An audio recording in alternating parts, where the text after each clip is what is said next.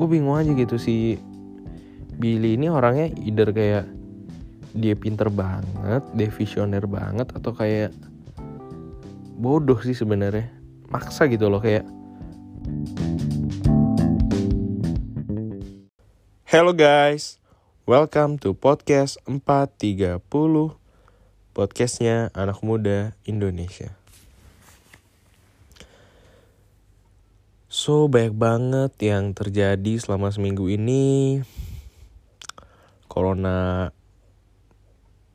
meningkat penyebarannya Jumlah kematian juga meningkat. Mungkin banyak bisnisnya juga terpaksa berhenti beroperasi atau beberapa bisnis yang harus meliburkan karyawannya, work from home, sekolah libur, kampus libur, PR banyak, tugas banyak, online class, masak di rumah, nonton Netflix dan lain-lain.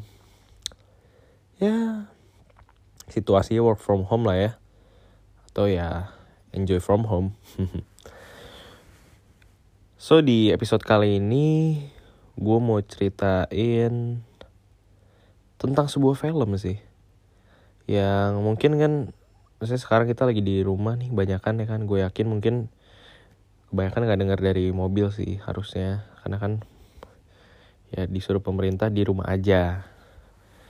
Jadi ya gue mencoba menghabiskan waktu gue untuk melakukan hal yang produktif. Nah cuma setelah gue ya melakukan hal-hal yang produktif itu pasti kan bosan juga ya guys nah gue mencari hiburan lah. Nah jadi kalian pasti semua tahu aplikasi namanya Netflix.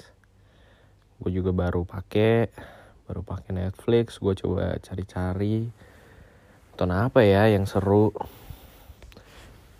Awalnya adik gue bilang nonton aja nih drama Korea.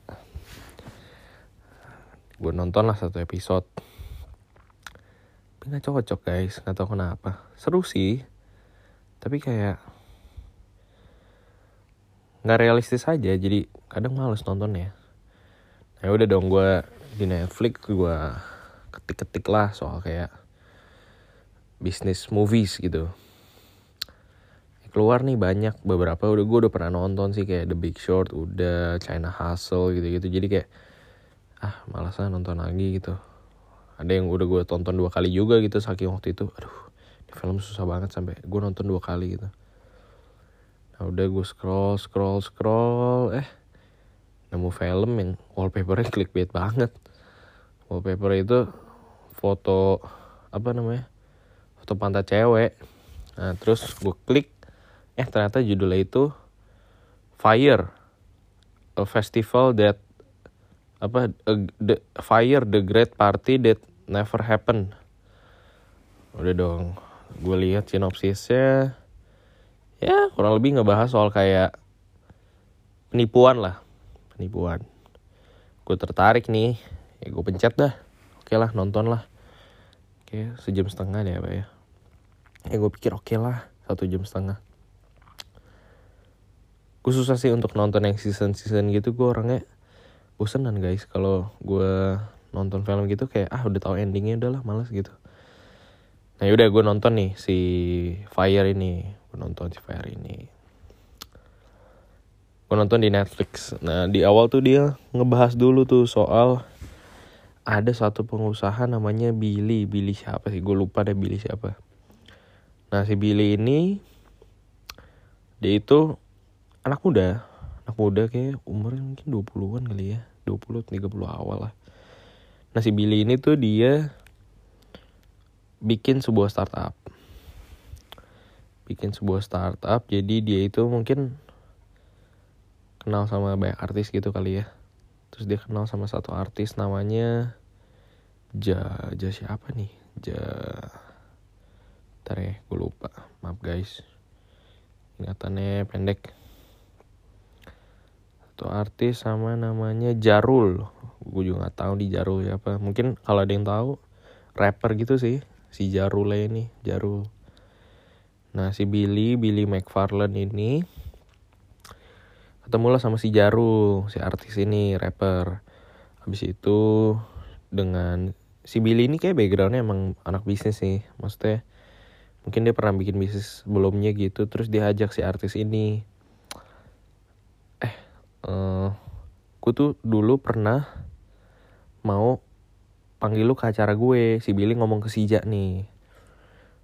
Gue minta ke teman gue. Teman gue bilang eh kasih gue 500 dulu baru gue kenalin. Kasih 500 udah kasih 500 si Billy malah dikasih ke mandor berikutnya. Mandor berikutnya bilang kalau mau gue kenalin kerja bayar dulu 1000 dolar.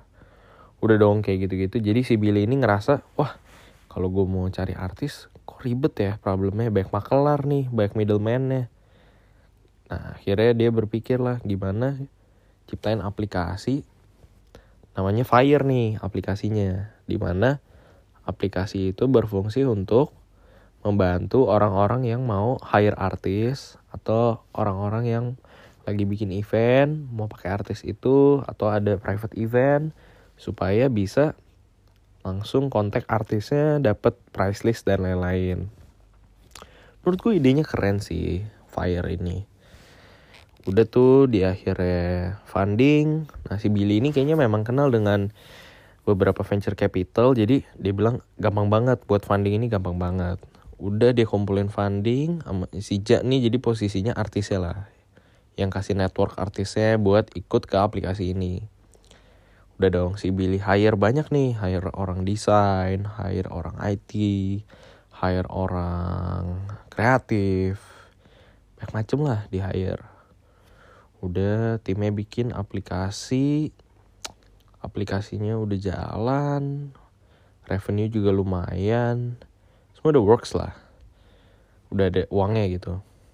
Nah tiba-tiba si Billy ini kepikiran gimana ya supaya kita bikin aplikasi ini makin viral?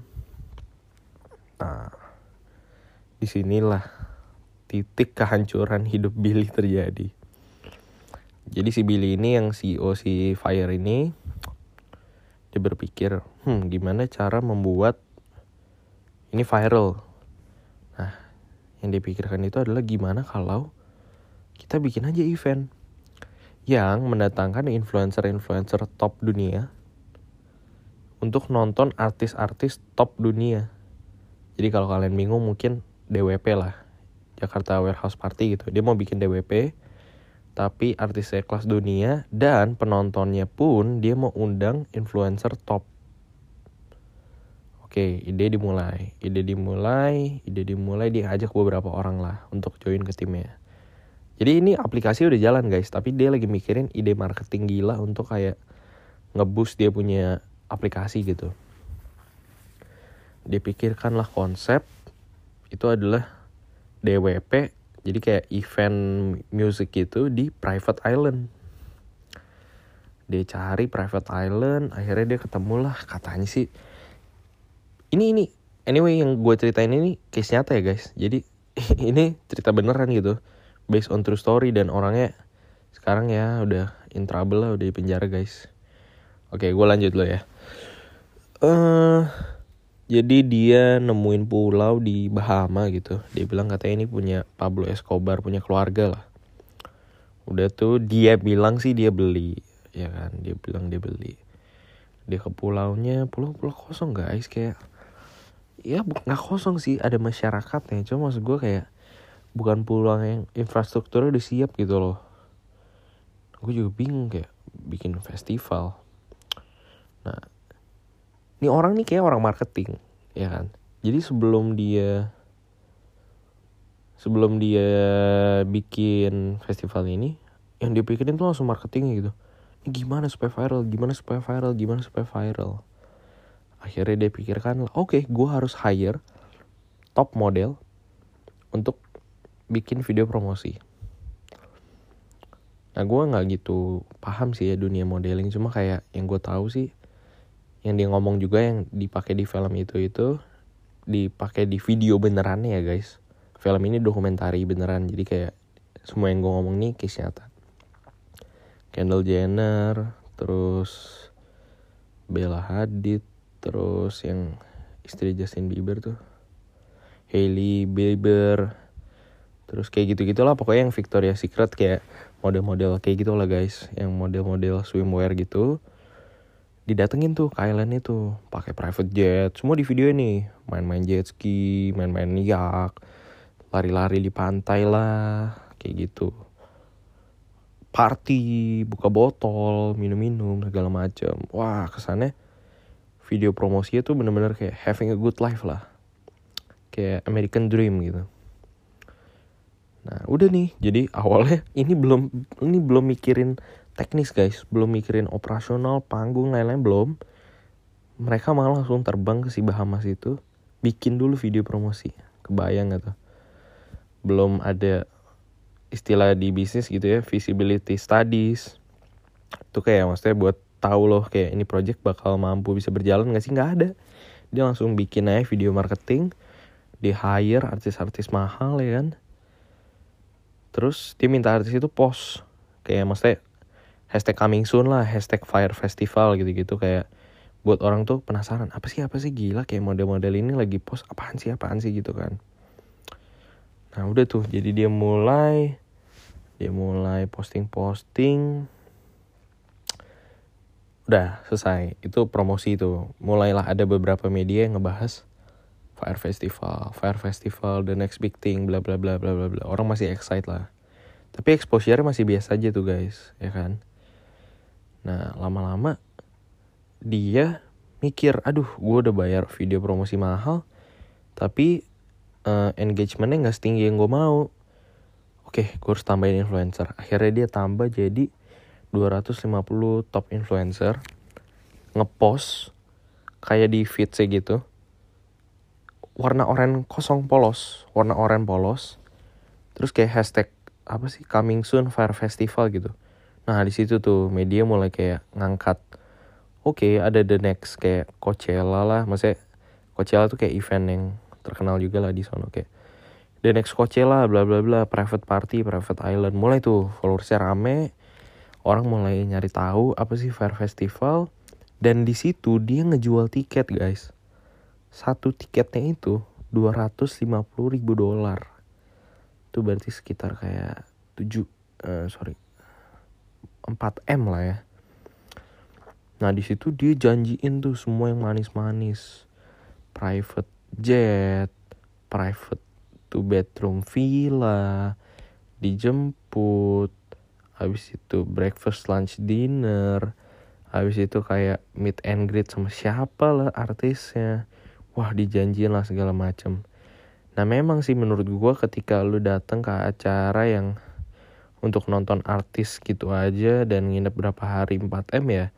Udah pasti yang datang orang-orang yang ya cukup punya lah. Mungkin mereka nggak mikir banyak gitu. Ya udahlah ada event ini paling juga beneran ada gitu. Udah tuh kalau nggak salah book 5000 tiket apa ya? Pokoknya udah nih orang-orang udah udah pada bayar lah kayak gitu. Tapi jeda antara orang bayar dan event ini kayak deket banget berapa lama ya bentar gue lupa nih hmm kayak sampai setahun deh kayak nggak sampai setahun nah cuma kayak gue bingung aja gitu si Billy ini orangnya either kayak dia pinter banget, dia visioner banget atau kayak bodoh sih sebenarnya. Maksa gitu loh kayak kalau salah cuma dua bulan apa ya? Kayak dua bulan deh. Pokoknya cuma dua bulan guys kayak jeda antara si orang-orang ini udah bayar sampai kayak ke festival gitu.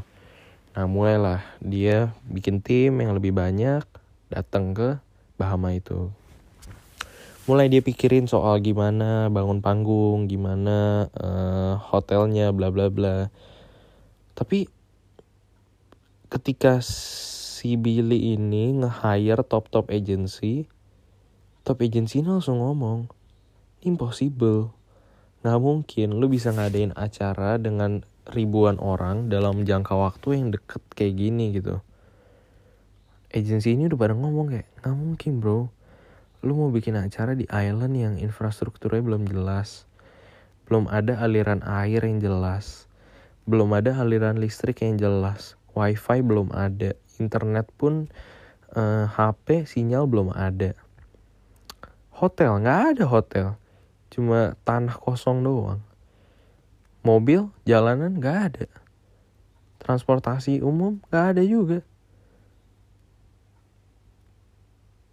Nah dia mulai kontak-kontak artis dong. Dia mulai kontak artis. Artis itu yang bakal panggung itu Major Lazer terus kayak Disclosure Migos. Ya kayak hip hop gitulah hip hop DJ gitu. Nah habis itu artis ini awalnya bingung gila kayak si Billy ini bilang harga lu berapa? Gue bayar dua kali lipat. Anjir si artisnya kayak beneran nih kayak maksudnya lu bayar gue dua kali lipat gitu. Awalnya orang masih kayak percaya dan sambil skeptis gitu. Oke kayak tapi si Billy ini janjinya bayarnya nanti ya tunggu eventnya udah deket. Oke dong udah tuh kayak hamin berapa hamin berapa hari hamin berapa hari. Ini orang kesannya kayak positif banget. Jadi tenang guys pasti bisa tenang guys pasti bisa. Pokoknya pasti akan sesuai on target kayak gitu gitulah tapi semakin deket ke dia punya festival kayak udah dua minggu sebelum mereka mulai nge-review dong gimana progresnya segala macam nah agensi ini makin ngomong kayak Bill lu udah nggak lu udah nggak realistis Bill. Ini yang lu plan tuh nggak bisa kayak lu nggak mungkin bangun ini semua dalam beberapa waktu deket ini. Udahlah mendingan lu ngomong jujur ke orang yang bayar bahwa eventnya nggak akan menjadi luxury lagi gitu loh. Ya lu turunin lah standar mereka lu bilang aja kita cuma punya villa atau bungalow kayak gitu dia nggak mau si Billy. Bilang nggak bisa pasti bisa pasti bisa pasti bisa. Ngotot nih orang ngotot ngotot kan. Timnya udah mulai kayak kenapa sih lu nggak mau dengerin gue tapi udahlah kayak karena dia bosnya ya udah dia dengerin. Terus tuh terus udah makin deket sisa berapa hari sisa berapa hari sampai sisa berapa lima hari masih aja tuh orang batu. Bisa bisa pasti bisa pasti bisa. Padahal kayak semua orang udah udah tahu dalam hati ini nggak mungkin kayak udah hamil lima hari panggung belum ada hotel pun belum ada belum jadi mobil nggak ada transportasi nggak jelas listrik belum masuk air makanan belum ada catering belum jelas. Kayak ini mau ngapain sih si Billy kayak mau ngapain? Dia lagi ngimpi atau apa gitu. Tapi karena kayak si Billy ini bosnya semua udah kayak nunduk lah kayak gitu. Udah dong sampai hamin tiga nih semua orang udah ngomong. Gak bisa Bill. Lo harus batalin acaranya. Kayak ini belum siap sama sekali. Dan kalau lu datengin orang orang ini akan travel ke pulau di mana kayak nggak ada tempat tidur nggak ada tempat makan nggak ada air bersih. Dan orang ini akan trap gitu. Tapi si Billy bilang enggak kita harus continue the show gitu. Kayak menurut si Billy kalau tiba-tiba batal muka dia bakal jelek gitu Padahal timnya udah jelasin, ini kalau misalkan fail, muka lu lebih jelek lagi dan orang bisa nuntut lu gitu. Mendingan nih sebelum waktunya telat, udah kabarin lah, bilang acaranya batal atau gimana gitu. Gak mau, si Billy tetap gak mau, si Billy bersih keras untuk kayak lanjut acaranya. Udah singkat cerita lanjutlah ke hari acaranya nih, hari acaranya. Lanjut ke hari acaranya, habis itu orang mulai datang influencer nih influencer influencer datang influencer datang pertama dia kaget. Ih mana katanya private jet malah naik pesawat kecil pesawat kecil dempet dempet nyampe daratan katanya mau dibawa pakai private car. Gak ada naik bus rame-rame dempet ya kan? Udah gitu biasa kan di enjoy kan di disambut gitu pakai apa namanya welcome drink terus kayak di hotelnya. Ini nggak ada malah di redirect suruh ke restoran gitu restoran kecil lah. Yang punya restoran aja kaget kayak ah kok jadi ke sini kayak gitu. Awalnya orang-orang masih berpikir kayak mungkin ini bagian dari surprise-nya atau gimana kan. Tapi 6 jam ditaruh di situ aja nggak dipindahin ke mana-mana orang juga marah dong. Akhirnya barulah dibawa ke hotel. Nah ternyata hotel ini bukan hotel guys. Hotel ini tenda tenda. Tenda kayak pramuka. Tenda pramuka yang kayak basah kena air hujan kemarin ya. Wah di situ lah orang mulai panas. Balikin duit gue balikin duit gue gitu kan. Si Billy naik ke atas meja dia coba jelasin. Dia bilang udah tenang dulu tenang. Tapi orang mana bisa tenang lah kayak orang udah bayar 4 m guys buat ke pulau itu buat enjoy tapi nggak nggak jelas kan. Nah akhirnya kayak ada salah satu orang lah peserta eh maksudnya audiens yang foto. Gila gue dikasih makanannya ini sandwich kayak di styrofoam terus kayak tipis nggak nggak ada nggak ada dagingnya gitu. Nah udah tuh mulai viral. Sampai-sampai si artisnya ini tahu dan banyakkan artisnya malah ngebatalin. Mereka kayak bikin keputusan gitu kayaknya demi kenyamanan penontonnya si artis-artis ini nggak mau tampil karena dia lihat kayak stage-nya nggak ada nggak jelas lightingnya nggak jelas sound systemnya nggak jelas. Jadi nggak mau tampil nih. Situlah mulai dia panik si Billy kan. Artis yang nggak mau tampil akhirnya dia putar aja tuh lagu asal pakai DJ yang ada gitu. Orang makin panas.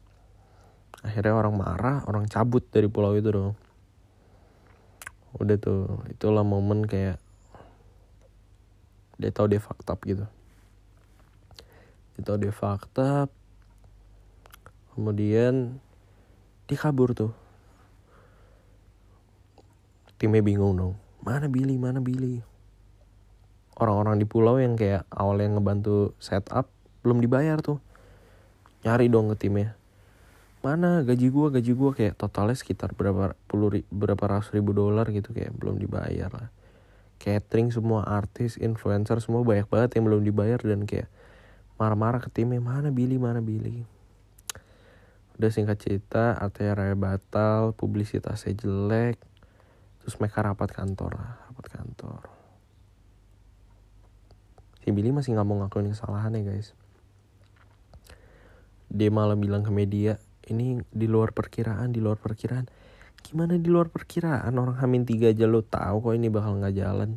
Harusnya lo ngomong aja lo jujur aja kan. Nah di sinilah orang mulai ngerasa oke okay, berarti si Billy ini adalah penipu. Ngomong besar gitu. Janjin apa di marketingnya bikin video promosi pakai artis keren lah cewek-cewek cakep dan lain-lain. Padahal kenyataannya nggak ada di situlah orang mulai ngelapor sewa pengacara dituntut.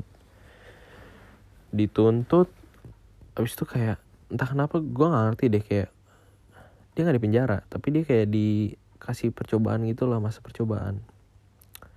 Tapi si fire ini udah pasti nggak jalan lah acaranya kan udah udah udah udah batal kan. Eh di masa percobaan ini si Billy ini kayak nggak ada tobatnya loh guys. Udah kena kasus sekali dia bikin company kedua. Tapi kan dia nggak boleh jadi maskotnya nih. Kan dia lagi di apa rumah tahanan lah kayak gitu. Dia tunjuk temennya jadi maskot dia tipu lagi orang. Bilang lah kayak dia jual-jual tiket yang aneh-aneh nih guys kayak tiket meet and greet with Taylor Swift gitu. Atau kayak nonton acara Victoria Secret atau kayak datang ke gala dinner ini. Wah dan dia juga kayak nipu banyak orang gitu loh. Dari situlah akhirnya kasusnya makin gede. Akhirnya dia di penjara sih. Kayak setelah banyak laporan dia di penjara selama enam tahun doang tapi ya. Cuma kayak ISB itu sih ceritanya. Intinya soal kayak seseorang bernama Billy ini yang benar-benar penipu besar lah gitu Nah cuma apa sih yang bisa kita pelajari? Mungkin ada beberapa sih kayak pertama menurut gue si Billy ini orangnya gak realistis aja gitu. Kadang di hidup ini lu boleh lah bermimpi besar tuh boleh. Lagi mungkin si Billy masih muda kan 20 awal 30 lah ya kan. Tapi kadang mimpi itu lu perlu imbangin dengan eksekusi yang tepat gitu. Nah si Billy ini gue rasa eksekusinya jago. Tapi kalau bisnis itu ada marketing, legal, operation, finance, dia ini cuma ngerti soal marketing gitu. Jadi dia jago eksekusi marketingnya, tapi operationnya nggak jelas, dia nggak punya tim, dia nggak punya perhitungan finance boncos mau boncos duit investor dia pakai juga nggak tahu dia keluarnya ke mana buat bayar catering apa buat bayar event venue segala macem boncos habis jadi ya ini gambaran orang yang kayak lu boleh bermimpi besar tapi kadang lu juga mesti ngeliat ke tanah bro. Kayak kalau mungkin kapasitas lu belum segitu ya lu harus be humble gitu loh. Mungkin belum saatnya buat lu kayak ngambil tanggung jawab sebesar itu. Itu satu ya kan. Kedua gue ngerasa bahwa si Billy ini orangnya fake kita aja gitu kayak dia mau dia mau kelihatan kaya dia mau kelihatan keren dengan cara kayak dia bikin event dia undang artis dia mau dia mau kelihatan punya hidup yang asik gitu di sosmed. Sedangkan kayak menurut gue buat apa lu fake juga kan? Ujung-ujungnya kan orang tahu kalau lu kayak ini mah lu buat-buat doang demi kayak publisitas gitu loh. Ya menurut gue nggak masuk aja sih. Kayak si Billy ini mencoba untuk fake lifestyle-nya yang kayak dia pakai penthouse lah segala macem. Padahal kayak ternyata habis dia dari penjara dia pun balik ke basement di rumah ortunya. Jadi kayak ya menurut gue jangan lah kayak fake itu jangan lah. Jadi kayak pertama tuh dia udah mimpi besar nggak bisa eksekusi. Kedua kayak dia fake it lagi kayak dia sok-sok nunjukin kesuksesannya padahal ya belum bisa dikata juga belum lah kayak gitu Nah ketiga menurut gue itu adalah lu harus belajar dari orang-orang yang lebih hebat dari lu. Let's say kayak dia mau bikin event sebesar itu. Tapi kan nggak kalau memang dia pebisnis handal, dia punya teman artis, lu sekedar kayak eh kenalin gue dong sama promotor event sama kayak orang-orang IO event besar. Belajarlah dari sana. Si Billy ini nggak paham kayak oh ternyata event tuh butuh air ya, butuh makanan ya oh event tuh ternyata butuh listrik butuh wifi ya butuh jaringan internet. Kayak baik banget hal unexpected yang kayak dia nggak siapin gitu. Gladi bersih lah kayak nggak ada nih nggak tahu orang nyampe nggak ada lo nya nggak ada. Ini kayak kayak orang yang main game gitu. Dia ngerasa ini game apa? Duit orang game apa gitu? Orang udah bayar tiket 4 m datang ke sana ya menurut gue lo harusnya belajar aja sih dari yang jago gitu dari yang udah pengalaman. Ini kayak lo sok gitu lo mau ngelakuin semuanya sendiri lo mau hemat lo mau nggak mau bayar orang ya nggak bisa lah. Kayak lo kalau mau bikin something big ya lo harus play with the big people gitu. Ya menurut gue itu sih kayak tiga hal yang ya semoga kita bisa pelajari sama-sama lah. Pertama itu ya kalau mimpi boleh tapi kayak nginjek langit juga lah ya kan? Nginjek langit juga eksekusi harus bagus. Kedua ya itu tadi kayak soal masih fake it gitu kayak ini orang hidupnya fake it banget. Jadi tuh mau coba live a lifestyle yang dia sebenarnya nggak punya kan? Sebenarnya juga kayak maksa banget gitu. Dan ketiga ya cobalah ada next time kayak lu mau bikin something big lu belajar dulu dari orang yang udah pernah ngalamin. Atau at least kayak tahu lebih dari lu lah. Dia kayak umur muda dia sok gitu. Dia nggak mau dengerin orang yang lebih pengalaman. Dia ngerasa dia paling tahu. Disuruh batalin event dia masih nggak mau. Mungkin ini podcast lumayan panjang ya. Uh, tapi gue berharap lo bisa dapet sesuatu. Dan kalau tertarik nonton deh guys. Percaya gue kayak cari di Netflix. Atau mungkin gue nggak tahu di YouTube atau di website website film lain. Ada kali ya. Judulnya Fire fest the greatest party that never happened gitu. Kalian carilah semoga bisa mengisi kegabutan kalian di rumah ya kan? Yang pada kuliah online sekolah online work from home ya kan? Ya nontonlah film ini sejam setengah oke banget sih kayak. Gue yakin lo bisa dapat belajar banget soal karakter lah. Kayak ya menurut gue yang paling penting itu dari semuanya dari film ini itu adalah soal karakter lu gitu. Soal integritas lu. Kalau orang itu memang udah karakternya buruk mau dia di penjara dia keluar penjara dia lagi masa percobaannya bisa tipu orang lagi gitu. So kayak ya itu sih baik banget yang bisa dipelajari. Mungkin banyak yang masih gue belum rangkum juga dalam film ini. Kalian nonton sendiri lah ya filmnya bagus ngebahas soal attitude soal karakter soal etik. Gimana kayak berbisnis berkarir etikanya kayak gimana bagus banget sih menurut gue itu aja. Semoga kalian enjoy di rumah atau di perjalanan. And see you on the next episode guys. Bye bye